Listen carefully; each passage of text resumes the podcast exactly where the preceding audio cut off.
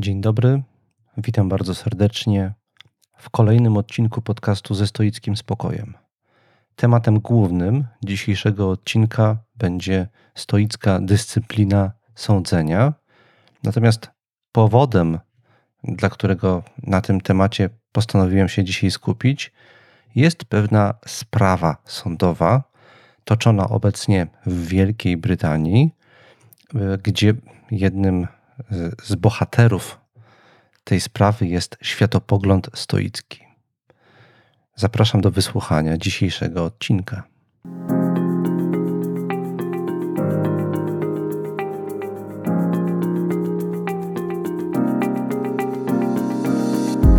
Mamy ograniczony wpływ na to, gdzie i pośród jakich ludzi żyjemy.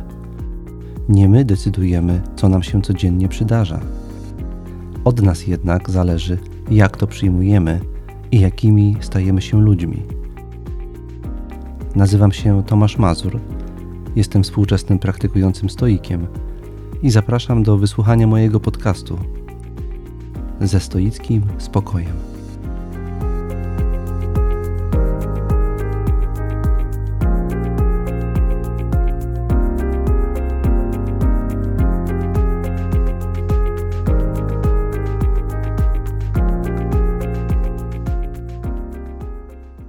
Dość często zaczynam odcinki, kolejne odcinki podcastu od e, takiego małego bloku pod tytułem Sceny z życia stoickiego. Dzisiaj, w pewnym sensie, cały dzisiejszy odcinek poświęcony jest właśnie temu scenom z życia stoickiego.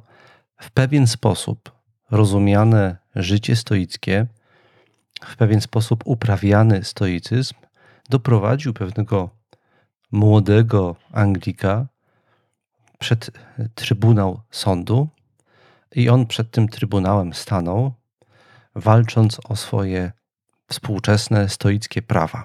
Stąd cały dzisiejszy odcinek, będący komentarzem do tej sytuacji, można powiedzieć, że zalicza się przede wszystkim właśnie do tego bloku scen z życia stoickiego. Chcę też od razu zapowiedzieć, że przy okazji relacjonowania i komentowania sprawy, która stanęła na wokandzie brytyjskiego sądu, będę chciał także upiec dwie inne pieczenie na tym ogniu.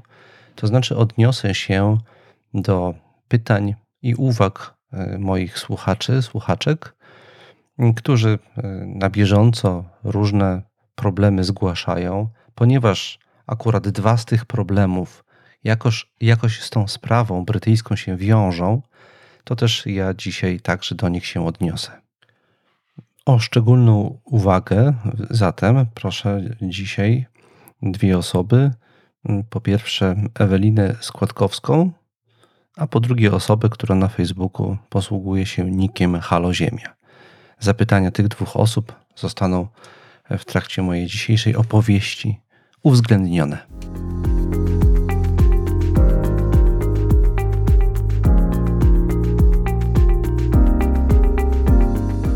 Zacznę więc od historii. Historię przysłał nam słuchacz Mirosław Księżarek. Panie Mirosławie, bardzo dziękuję, albowiem e, jest to historia niezwykle frapująca. Oto jak ona się przedstawia. Dotyczy mm, ta historia młodego Brytyjczyka Samuela Jacksona, y, do niedawna zatrudnionego w jednym ze sklepów sieci Lidl, właśnie w Wielkiej Brytanii. Jako pracownik tego sklepu pozwolił sobie y, pan Jackson na wypowiedź pod adresem grupy swoich kolegów z pracy, kolegów i koleżanek z pracy, ta wypowiedź została odebrana jako obraźliwa, ponieważ, jak rozumiemy z relacji prasowych, a dodam, że ta historia była opisana na, na łamach e, Timesa, jak rozumiemy z relacji prasowych, nie dość skwapliwie pan Jackson zaoferował przeprosiny. A więc połączenie tych dwóch czynników, obraza grupy kolegów, koleżanek z pracy mm, obraza, o czym powiem trochę więcej później, podszyta e, jeszcze e, krzywdzącym stereotypem. E, więc z jednej strony to obraz, a z drugiej strony to, że nie był dostatecznie gorliwy w wyrażaniu przeprosin. Te dwa czynniki sprawiły, że pan Jackson został zwolniony z pracy. Jako taka ta sytuacja do tej pory brzmi dość normalnie, takie rzeczy się zdarzają. W dzisiejszym świecie nie wolno obrażać kolegów i koleżanek z pracy. Mm, e, I jeżeli ktoś to robi, to musi się liczyć z konsekwencjami, nawet takimi, że może zostać zwolniony. Natomiast ciekawa ta sytuacja staje się mm, w efekcie procesu, który postanowił pan Jackson, Samuel Jackson, wytoczyć Lidlowi. E, uznał mianowicie, że zwolnienie go nosi znamiona dyskryminacji na tle światopoglądowym. E, I oto oskarżył swojego pracodawcę, złożył pozew e, i sąd w pierwszym czytaniu, mm, w pierwszym przyjrzeniu się sprawie przychylił się do tej interpretacji, to znaczy zdecydował się mm, otworzyć proces. No i teraz czekamy na zasadniczą rozprawę. Gdzie w tym wszystkim stoicyzm? Na pewno słuchacze już z niecierpliwością czekają, w którym momencie tej opowieści pojawi się stoicyzm. Otóż mm, pan Samuel Jackson twierdzi, że to, co go spotkało, e, to, są, to, jest, to jest dyskryminacja na tle światopoglądowym, a światopoglądem, który w tym przypadku miałby być dyskryminowany, jest stoicyzm. W jaki sposób pan Jackson uzasadnia swój pozew? Otóż y, pan Jackson przyznaje się do tego, że jest stoikiem, że światopogląd stoicki jest mu bliski. Tymczasem, właśnie jego zdaniem, w ramach mm, tego światopoglądu, jedną z powinności podstawowych stoika jest wyrażanie swoich poglądów, bez względu na to, czy one kogoś obrażają, czy nie. E, I wartość, którą można by mm, tutaj e, pod to podciągnąć, to jest wartość prawdomówności. A więc stoicyzm, światopogląd stoicki wymaga od niego mm, bycia prawdomównym, a więc wymaga od niego, żeby mówił prawdę, nawet jeżeli dla kogoś ona jest niemiła. Mm, jeżeli ktoś z tego powodu go postanawia zwolnić z pracy, to on to interpretuje w takich kategoriach, że zostaje zwolniony ze względu na swój światopogląd. Sąd, rozpatrując sprawę, powołał się na y, prawo mm, antydyskryminacyjne Wielkiej Brytanii, y, w tym przypadku na tak zwany e, Equality Act z 2010 roku, E, w polskiej tradycji określa się po prostu to, ten Equality Act jako ustawę o równości i ona zawiera przepisy zabraniające bezpośredniej i pośredniej dyskryminacji. Dyskryminacji ze względu na rasę, pochodzenie etniczne, płeć, religię i światopogląd. I przez sąd ta sytuacja została zakwalifikowana jako potencjalnie dyskryminujące ze względu na światopogląd, dlatego dopuścił to, mm, y, to zgłoszenie do szerszej rozprawy, która, na którą wszyscy y, obecnie czekamy z niecierpliwością, bo jesteśmy ciekawi, wszyscy stoicy, jak to zostanie rozpatrzone. Y, może warto dodać, co on takiego powiedział, pan Jackson, co okazało się być obraźliwe pod adresem grupy pracowników Lidla. Otóż on wyraził pogląd zawierający się w kilku słowach. Powiedział, że Azjaci, cytuję, Azjaci są tłuści. Nie chciał za to przeprosić i tak jak już powiedziałem, konsekwencje były takie, że został zwolniony z pracy.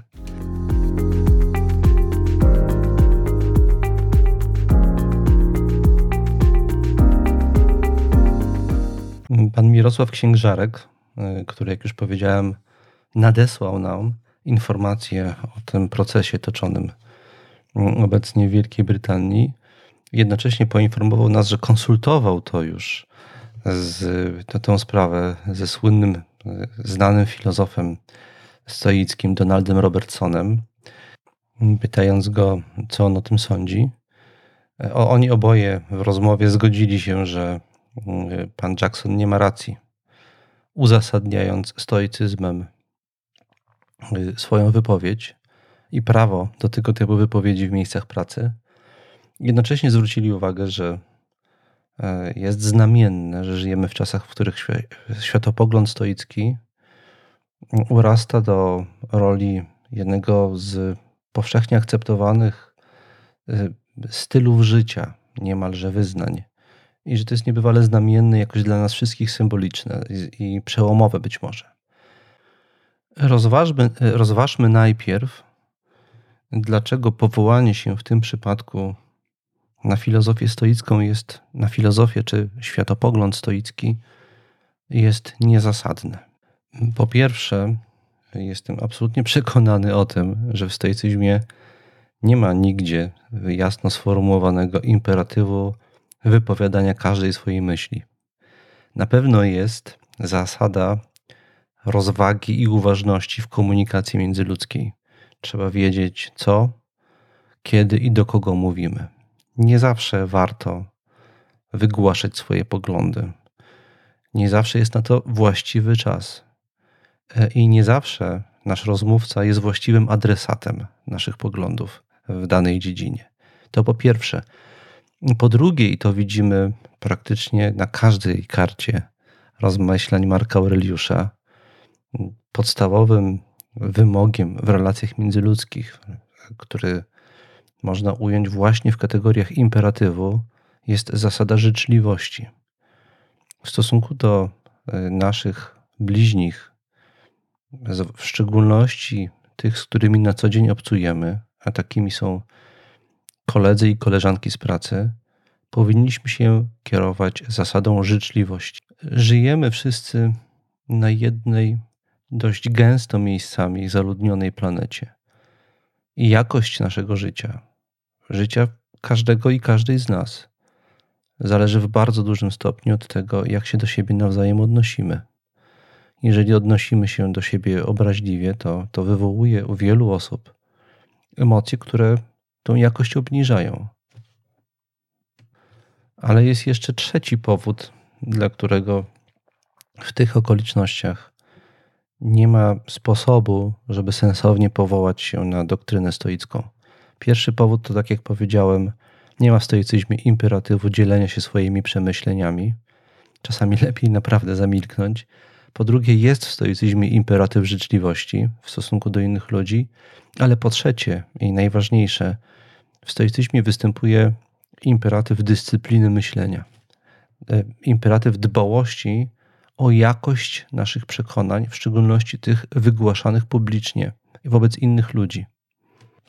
Tymczasem sąd, jaki wygłosił pan Jackson, nosi znamiona niechlujności właśnie w obszarze myślenia. Jest to sąd na poziomie ogólnikowości, który jako taki nie może być nigdy prawdziwy i jako taki nie powinien być nie tylko wypowiedziany, ale także pomyślany przez stoika. Poświęćmy tutaj więc nieco więcej miejsca dyscyplinie myślenia.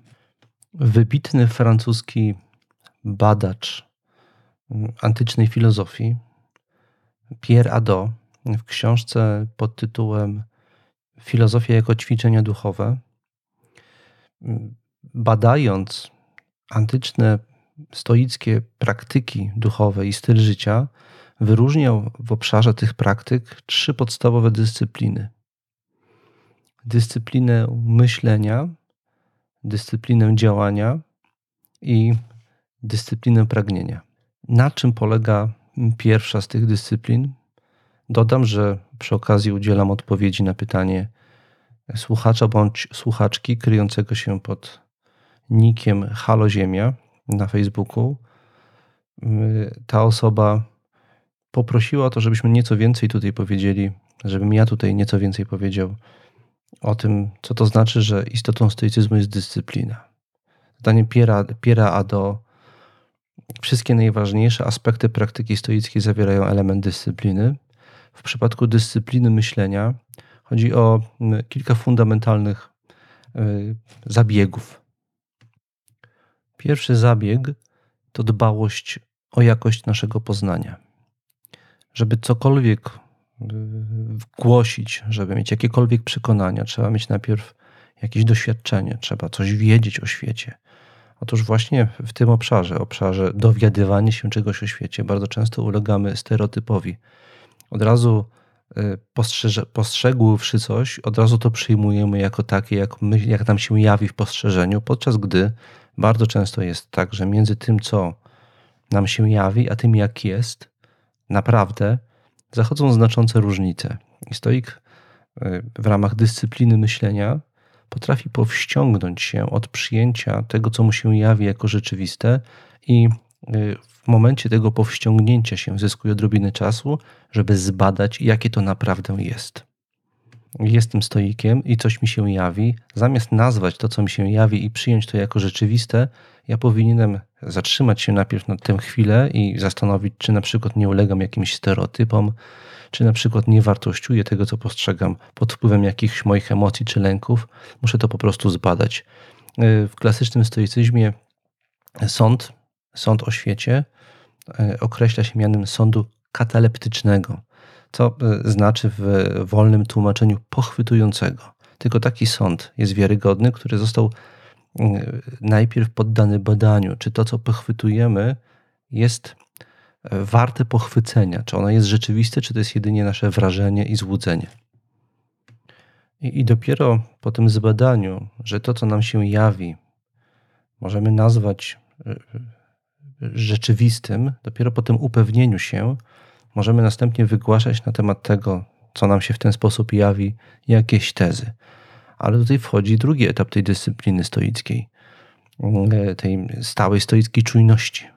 Otóż chodzi teraz o to, żeby wyrazić to w sposób, w sposób jasny i precyzyjny, a nie ogólnikowy i abstrakcyjny. Rozważmy to na przykładzie Samuela Jacksona. Wyraził on pogląd w postaci twierdzenia, że wszyscy Azjaci są tłuści. Oczywiście nie zna wszystkich Azjatów.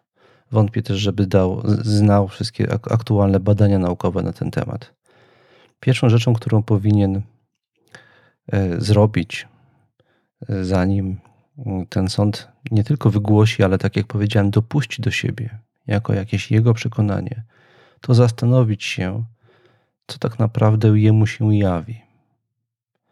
To znaczy, że w jego bezpośrednim otoczeniu, na przykład w miejscu pracy, widział i obcował w jakiś sposób z osobami, które cechuje nadwaga. I pytanie, które powinien sobie w pierwszej kolejności jako stoik zadać, zanim wyrazi jakiekolwiek przekonanie na ten temat, tego co widział. Czy to cechuje tylko osoby tej nacji, czy może także osoby innej nacji, ale z jakiegoś powodu u osób tej nacji jemu to przeszkadza i to być może więcej mówi o nim niż o nich. Od tego trzeba zacząć, zbadać siebie. Dlaczego w ogóle zwracam na to uwagę? Dlaczego w ogóle mam ochotę wyrazić na ten temat pogląd? Na tym polega to stoickie badanie siebie przed przyjęciem jakiegoś przekonania. Zanim jakieś przekonanie przyjmę jako moje przekonanie o tym, co się dzieje dookoła mnie, muszę zbadać siebie, jakie okoliczności sprawiają, że ja mam ochotę to przekonanie przyjąć, a następnie wygłaszać. Następnie, nawet jeśli stwierdziłbym, że u jakiejś części moich współpracowników, i to jeszcze takich, którzy są pochodzenia azjatyckiego, występuje problem, nawet niekoniecznie trzeba to nazywać właśnie problemem, na tym polega problem występuje zjawisko nadwagi.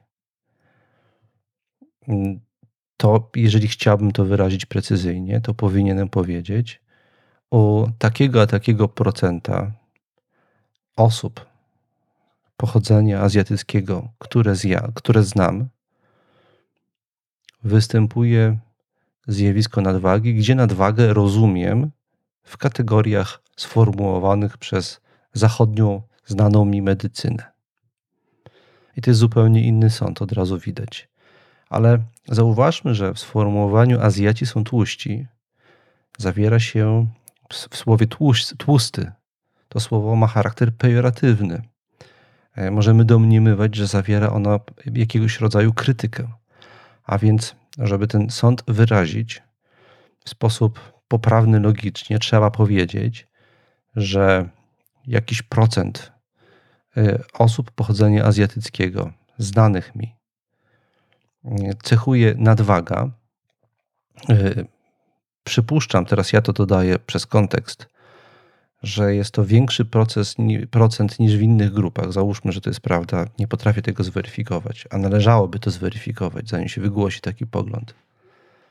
Występuje nadwaga i, i to jest coś złego. Wypowiedź pana Jacksona sugeruje, że to jest coś złego. Żeby stwierdzić, że to jest coś złego, trzeba jakichś dodatkowych przesłanek, bo z samego faktu, że ktoś ma nadwagę, nie wynika, że to jest coś złego. To jest coś złego na przykład z punktu widzenia stoickiego światopoglądu. Ale następnie trzeba by stwierdzić, że światopogląd stoicki jest jedyny słuszny i wszyscy powinni się nim kierować. Ja jako stoik, e, mówię teraz o sobie, wiem o tym, że w ramach doktryny stoickiej e, funkcjonuje imperatyw zdrowego życia i troski o własny organizm. Jednym z elementów e, tej troski jest dbałość o wagę. Nadwaga jest szkodliwa i wiele badań to potwierdza. A ponieważ stoicy uważają, że należy troszczyć się o swój organizm, w związku z tym powinni dążyć do unikania nadwagi. Z punktu widzenia takich założeń i takiego sposobu myślenia, nadwaga jest czymś niewłaściwym. Ale to nie znaczy, że wszyscy dookoła mnie mają podzielać ten pogląd. Nie muszą. Istnieją kultury, w których nadwaga jest e, czymś pozytywnym. Istnieją ludzie, którzy nie uważają, że zdrowie jest najważniejszą rzeczą w życiu.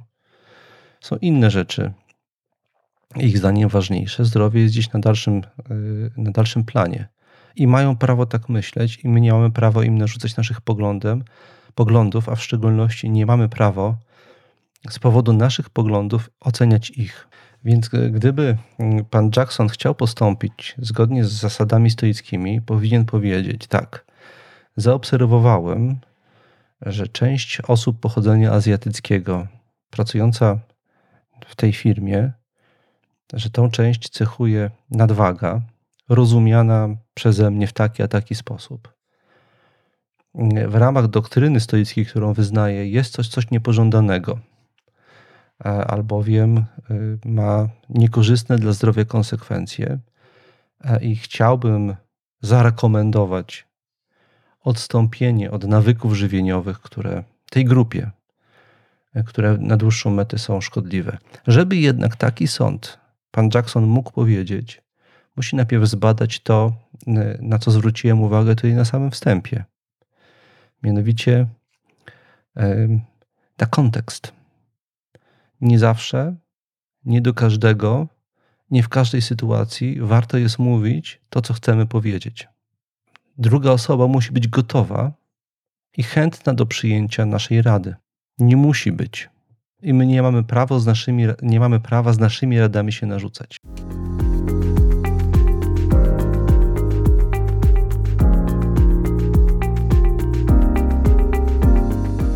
E, I to y, pozwala mi teraz przejść do pytania, które y, sformułowała pani Ewelina Składkowska. Mm, powiedziałem, że do drugiej jeszcze z osób się tutaj odwołam. I ona podzieliła się następującą y, uwagą ze mną w mailu, który do nas przysłała. Cytuję. Parę razy padło w podcaście stwierdzenie, że stoik swoją filozofią dzieli się, kiedy jest o nią pytany nie narzuca jej. E, to właśnie to, co teraz staram się głosić w tym odcinku. Cytuję dalej. Jednak w sytuacji, kiedy najbliższe osoby popadają w ponurą frustrację i nieuzasadniony pesymizm, świeżo wyuczone formułki aż cisną się na usta. Niestety wiem, że usłyszeć taką sentencję od kogoś to nie to samo, co dojść do niej na drodze praktyki stoickiej. Często więc przynosi to odwrotny skutek i zamiast pocieszyć lub pokazać nową perspektywę, budzi irytację. Z drugiej strony, mając w ręku tak dobre narzędzia jak filozofia stoicka, albo chociaż niektóre jej elementy, ciężko jest stać bezczynnie wobec nieszczęścia drugiej bliskiej osoby. Czy w takiej sytuacji słusznym jest założenie, że stan tej osoby jest rzeczą od nas niezależną. Pierwszy komentarz na szybko. Stan drugiej osoby zawsze jest od nas e, rzeczą niezależną. Stoicy rozumieją to, co niezależne w kategoriach takich, że jeżeli nie mamy na coś pełnego wpływu, to, jest to, trzeba to traktować jako rzecz od nas niezależną. Robić co możemy, ale to traktować jako rzecz od nas niezależną. A więc stan wewnętrzny drugiej osoby na pewno jest e, według stoików rzeczą od nas niezależną. To po pierwsze. Po drugie, to jest właśnie klasyczny przykład tego, co mm, spotyka nas, kiedy my mm, jesteśmy rozentuzjazmowani jakimś nowym naszym duchowym odkryciem i chcielibyśmy natychmiast podzielić się tym z innymi ludźmi, ale bardzo często jest tak, że inni ludzie są w danym momencie swojego życia na zupełnie innym etapie. I bardzo często jest tak, że mogą po prostu nie przyjąć swojej, na, naszej dobrej nowiny i naszych fantastycznych odkryć, które działają dla nas, u nas, dlatego że jesteśmy na takim etapie, że działają a u nich mogą w ogóle nie działać. My, y, uwierzcie mi Państwo, nie ma nic bardziej irytującego niż do kogoś, mm, kto jest w jakimś trudnym położeniu i manifestuje to trudne położenie wyrazami pesymizmu i melancholii, zwrócić się z, ze stoickim pocieszeniem. Y, bardzo często i zazwyczaj, jeżeli ktoś jest w takim stanie emocjonalnym, wywołuje to skutki przeciwne do zamierzonych. Więc jeżeli chodzi o dzielenie się stoicyzmem z innymi, Y, to, co zaleca między innymi Seneca w listach moralnych do Lucyliusza, bardzo wyraźnie o tym pisze, nie pamiętam teraz, w którym to liście pada, żeby e, przede wszystkim manifestować stoicyzm swoim codziennym życiem i postawą. Dopiero jeżeli ta postawa, przynosząc rezultaty, zwróci czyjąś uwagę, można powiedzieć, z czego to się bierze i w ten sposób można inspirować. To jest najlepszy sposób przekazywania tego komuś innemu. Mm, y, ale istnieje inny jeszcze sposób, o tym też tutaj kiedyś mówiłem, który jest konsekwencją tego imperatywu życzliwości, o którym powiedziałem wcześniej. Jeżeli widzisz, że bliska tobie osoba znajduje się w trudnym położeniu i cierpi, mm, to pierwszą rzeczą, jaką trzeba zrobić, to spróbować go zrozumieć na jego warunkach, na jego lub jej warunkach. Spytać, jaki jest powód tego cierpienia. E, I dopiero następnie w tym kontekście spytać delikatnie, czy mógłbym, mogłabym zasugerować zmianę sposobu myślenia albo jakieś inne rozwiązanie, dzięki któremu możemy przezwyciężyć ten problem albo ten impas, w jakim się znaleźliśmy. I dopiero wtedy, kiedy uzyskamy na to zgodę, można zaproponować nasze wspaniałe stoickie rady. Wspaniałe dla nas, a może być także dla innych osób na danym etapie życia niekoniecznie. Oczywiście zachodzi jeszcze jeden, mm, jeden przypadek, który warto w tym kontekście omówić. E, ja, żyjąc w Polsce, bardzo często mam do czynienia z ludźmi, którzy lubią epatować nieszczęściem, którzy po prostu lubią być nieszczęśliwi, e, którzy czerpią z tego pewnego rodzaju satysfakcję, ale także sprawczość. Jeżeli ja epatuję do, naokoło uczuciem frustracji, nieszczęścia, niepokoju, to to ustawia moje otoczenie w określony sposób i oni się wobec mnie w określony sposób zachowują inaczej. E, jest to jedno z narzędzi manipulowania. Więc jeżeli czujesz, że jesteś zakładnikiem czyich, czyich strategii manipulacyjnych i wyrażanie nieszczęścia we wszelkiej postaci jest elementem tej strategii, to uważam, że w takiej sytuacji mamy prawo zamanifestować nasz opór i ująć to w postaci jakiejś sentencji stoickiej.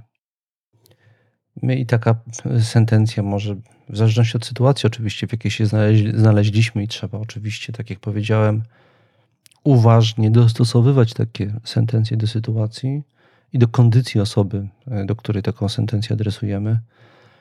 Ona może przyjąć postać powiedzenia na przykład łatwo jest nad sobą się żalić, trudniej zmierzyć się z przeciwnościami, na jakie w życiu napotkaliśmy albo inna sentencja, biadolenie na swój los może jest przyjemne, ale na pewno jest nieskuteczne. Cóż nam bowiem z tego przychodzi? Osobom, które y, przesadnie epatują pesymizmem, także można dyskretnie zasugerować, że właśnie to jest powodem tego, że rzadziej przebywamy w ich otoczeniu i nie mamy ochoty przebywać w ich otoczeniu, gdyż patrzymy na świat zupełnie inaczej i chcemy patrzeć na świat zupełnie inaczej.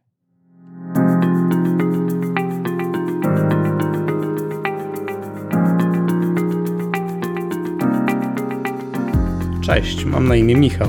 Jestem współtwórcą Stoic Way oraz podcastu ze stoickim spokojem.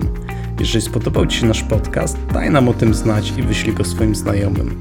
Będziemy wdzięczni, jeżeli ocenisz go na Apple Podcast lub Spotify i zostawisz nam swój komentarz. Na dłuższe wypowiedzi, pytania, opinie i komentarze czekamy zawsze pod adresem podcastmałpastoicway.net oraz na Facebooku i Instagramie. I jeszcze jedno. Stoic Way to nie tylko ten podcast – na naszej stronie stoicway.net znajdziesz o wiele więcej, w tym nasze autorskie blogi. Organizujemy także warsztaty stacjonarne oraz unikatowy 6-miesięczny stoicki kurs online. Zapraszam Cię do wspólnej stoickiej podróży. Do usłyszenia! W tym miejscu chciałbym skończyć już mój komentarz do sytuacji, w jakiej znalazł się pan Samuel Jackson, nie sympatyzuję z nim specjalnie, z tą sytuacją i nie trzymam za niego kciuków. Uważam, że sąd powinien negatywnie rozpatrzyć pozew przez niego zgłoszony i jestem przekonany, że tak będzie. Bardzo bym się zdziwił, gdyby on ten pozew wygrał, gdyby on tą rozprawę wygrał. Natomiast w tym kontekście całej tej historii, na co mm, y, y, Donald Robertson także zwrócił uwagę, Chciałbym to w związku z tym też pociągnąć e, w kontekście tej historii. No jest to jakoś symboliczne. E, stoików na świecie jest coraz więcej. Osób, które jakoś się identyfikują ze stoicyzmem. I ten stoicyzm to nie jest wyłącznie jakaś tam dla nich filozofia, czyli zbiór poglądów, o których można dyskutować. Te osoby coraz częściej ze stoicyzmem się identyfikują i to jest coraz szerzej rozpoznawane na świecie. Stoicyzm został rozpoznany przez sędziego rozpatrującego sprawę jako jeden ze współczesnych światopoglądów. Poglądów, y, poglądu, z którym można się identyfikować i którego nie można dyskryminować. Ale z, z tej historii historii Samuela Jacksona możemy wyciągnąć jeszcze jeden morał, albo potraktować tą historię jako pewnego rodzaju także przepowiednie. Henryk Elzenberg, polski filozof, który ze stoicyzmem sympatyzował, stoikiem nigdy siebie nie nazywał, natomiast wiele razy do stoicyzmu wracał i odnosił się do niego bardzo pozytywnie. Pewne elementy praktyki stoickiej także w jego życiu może, może, można było zaobserwować. Zainteresowanych odsyłam do książki Kłopot z istnieniem, aforyzmy w porządku czasu. Tam uważny czytelnik na łamach tej książki znajdzie świadectwa praktyki stoickiej Henryka Elzenberga. Otóż tenże Henryk Elzenberg napisał kiedyś, że wielkie idee i doktryny wraz z popularnością zazwyczaj się trywializują, ulegają różnym nadinterpretacjom i wypaczeniom. I no niestety taki być może los będzie także czekał współcześnie stoicyzm i więcej ludzi będzie się aktywnie ze stoicyzmem identyfikować i stoicyzm praktykować, tym większe prawdopodobieństwo, że część z nich będzie naginać doktrynę stoicką do swoich doraźnych potrzeb i celów. Jeżeli jesteś niegrzeczny, i nie lubisz ludzi e, i masz ich ochotę obrazić, jeżeli jednocześnie coś słyszałeś o stoicyzmie, to jest bardzo prawdopodobne, że wykorzystasz stoicyzm do tego, żeby usprawiedliwić, zracjonalizować swoją postawę. I z tym się będziemy spotykać często, być może coraz częściej, i musimy być na to przygotowani. Przygotowani w postaci dobrej znajomości doktryny stoickiej. Dlatego odsyłam E, wszystkich praktykujących stoików i zachęcam do, do lektury źródłowych tekstów i opracowań.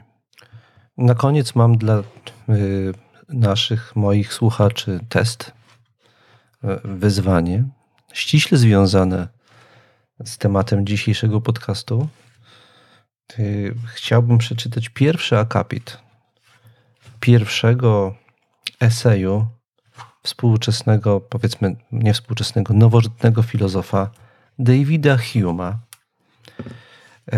Jest to zbiór esejów e, wydanych, wydany w roku 1955 przez Państwowe Wydawnictwo Naukowe.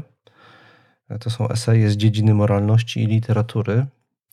Niewtajemniczonym dodam, że ten brytyjski empirysta, który dziś jest szeroko znany i w każdym podręczniku historii filozofii poświęcony jest mu spory rozdział.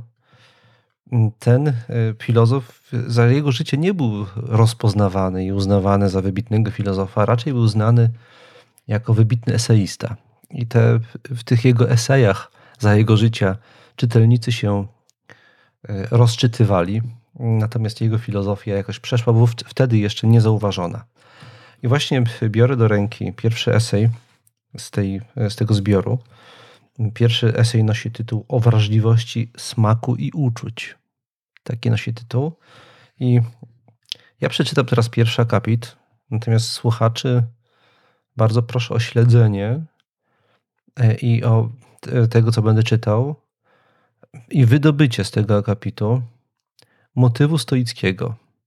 Motywu, który da się odczytywać jako stoicki. I bardzo proszę, żebyście sobie odpowiedzieli na pytanie, czy ten akapit można interpretować jako zachętę do praktykowania stoicyzmu, e, jako pochwałę światopoglądu stoickiego i postawy stoickiej, pochwałę wygłoszoną przez brytyjskiego filozofa Davida Hume'a. Y, rozpoczynam y, cytat. Niektórych ludzi cechuje szczególna wrażliwość uczuć, która sprawia, że są niezmiernie czuli na wszelkie wydarzenia życiowe. Każdy pomyślny wypadek wywołuje w nich żywą radość, a niepowodzenia i przeciwności głębokie cierpienia. Okazane względy i usługi budzą w nich przyjaźń, a najmniejsza krzywda niechęć. Każdy zaszczyt i odznaczenie podnosi ich moralnie, ale równie silnie dotyka ich każdy objaw pogardy. Ludzie o takim charakterze przeżywają bez wątpienia więcej żywych radości, ale i więcej głębokich smutków niż ludzie o chłodnym i spokojnym usposobieniu. Sądzę jednak, że nie ma nikogo, kto wziąwszy wszystko pod rozwagę, a mogąc dowolnie wybierać, nie wolałby mieć, nie wolałby mieć tego ostatniego usposobienia. Dola nasza, dobra czy zła, w niewielkim stopniu zależy od nas. A gdy kogoś obdarzonego takim wrażliwym usposobieniem spotka nieszczęście, wówczas smutek i irytacja biorą go całkowicie w swe władanie, odbierając mu możliwość cieszenia się zwykłymi wydarzeniami życia. A wszak radowanie się nimi jest głównym składnikiem naszego szczęścia. Wielkie przyjemności zdarzają się w życiu rzadziej niż wielkie cierpienia, więc też rzadziej od nich wystawiają na próbę czułe usposobienie. A przy tym ludzie o tak żywych uczuciach łatwo przekraczają granice ostrożności i roztropności i mogą uczynić na drodze życia fałszywy krok, często nie dający się naprawić. Koniec cytatu.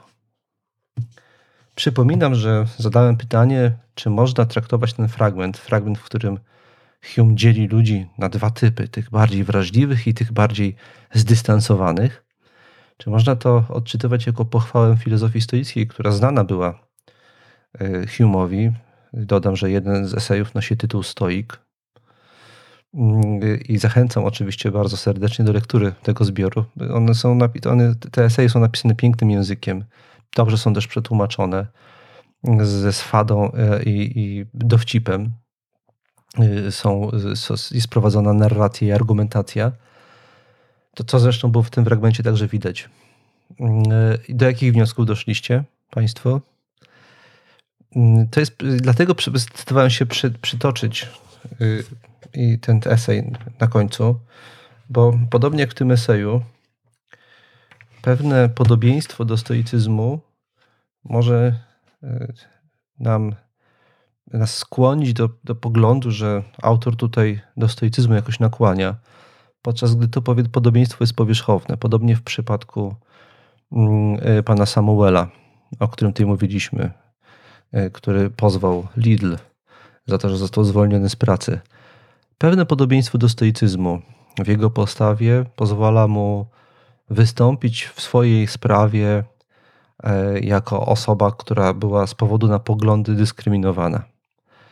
Ale to jest bardzo powierzchowne podobieństwo. Wprawdzie dla stoików prawda jest ważna, ale jak tutaj to już zanalizowaliśmy, tylko powierzchowne podobieństwo występuje między sytuacją, w której znalazł się pan Samuel, a rzeczywistością i rzeczywistą doktryną stoicką.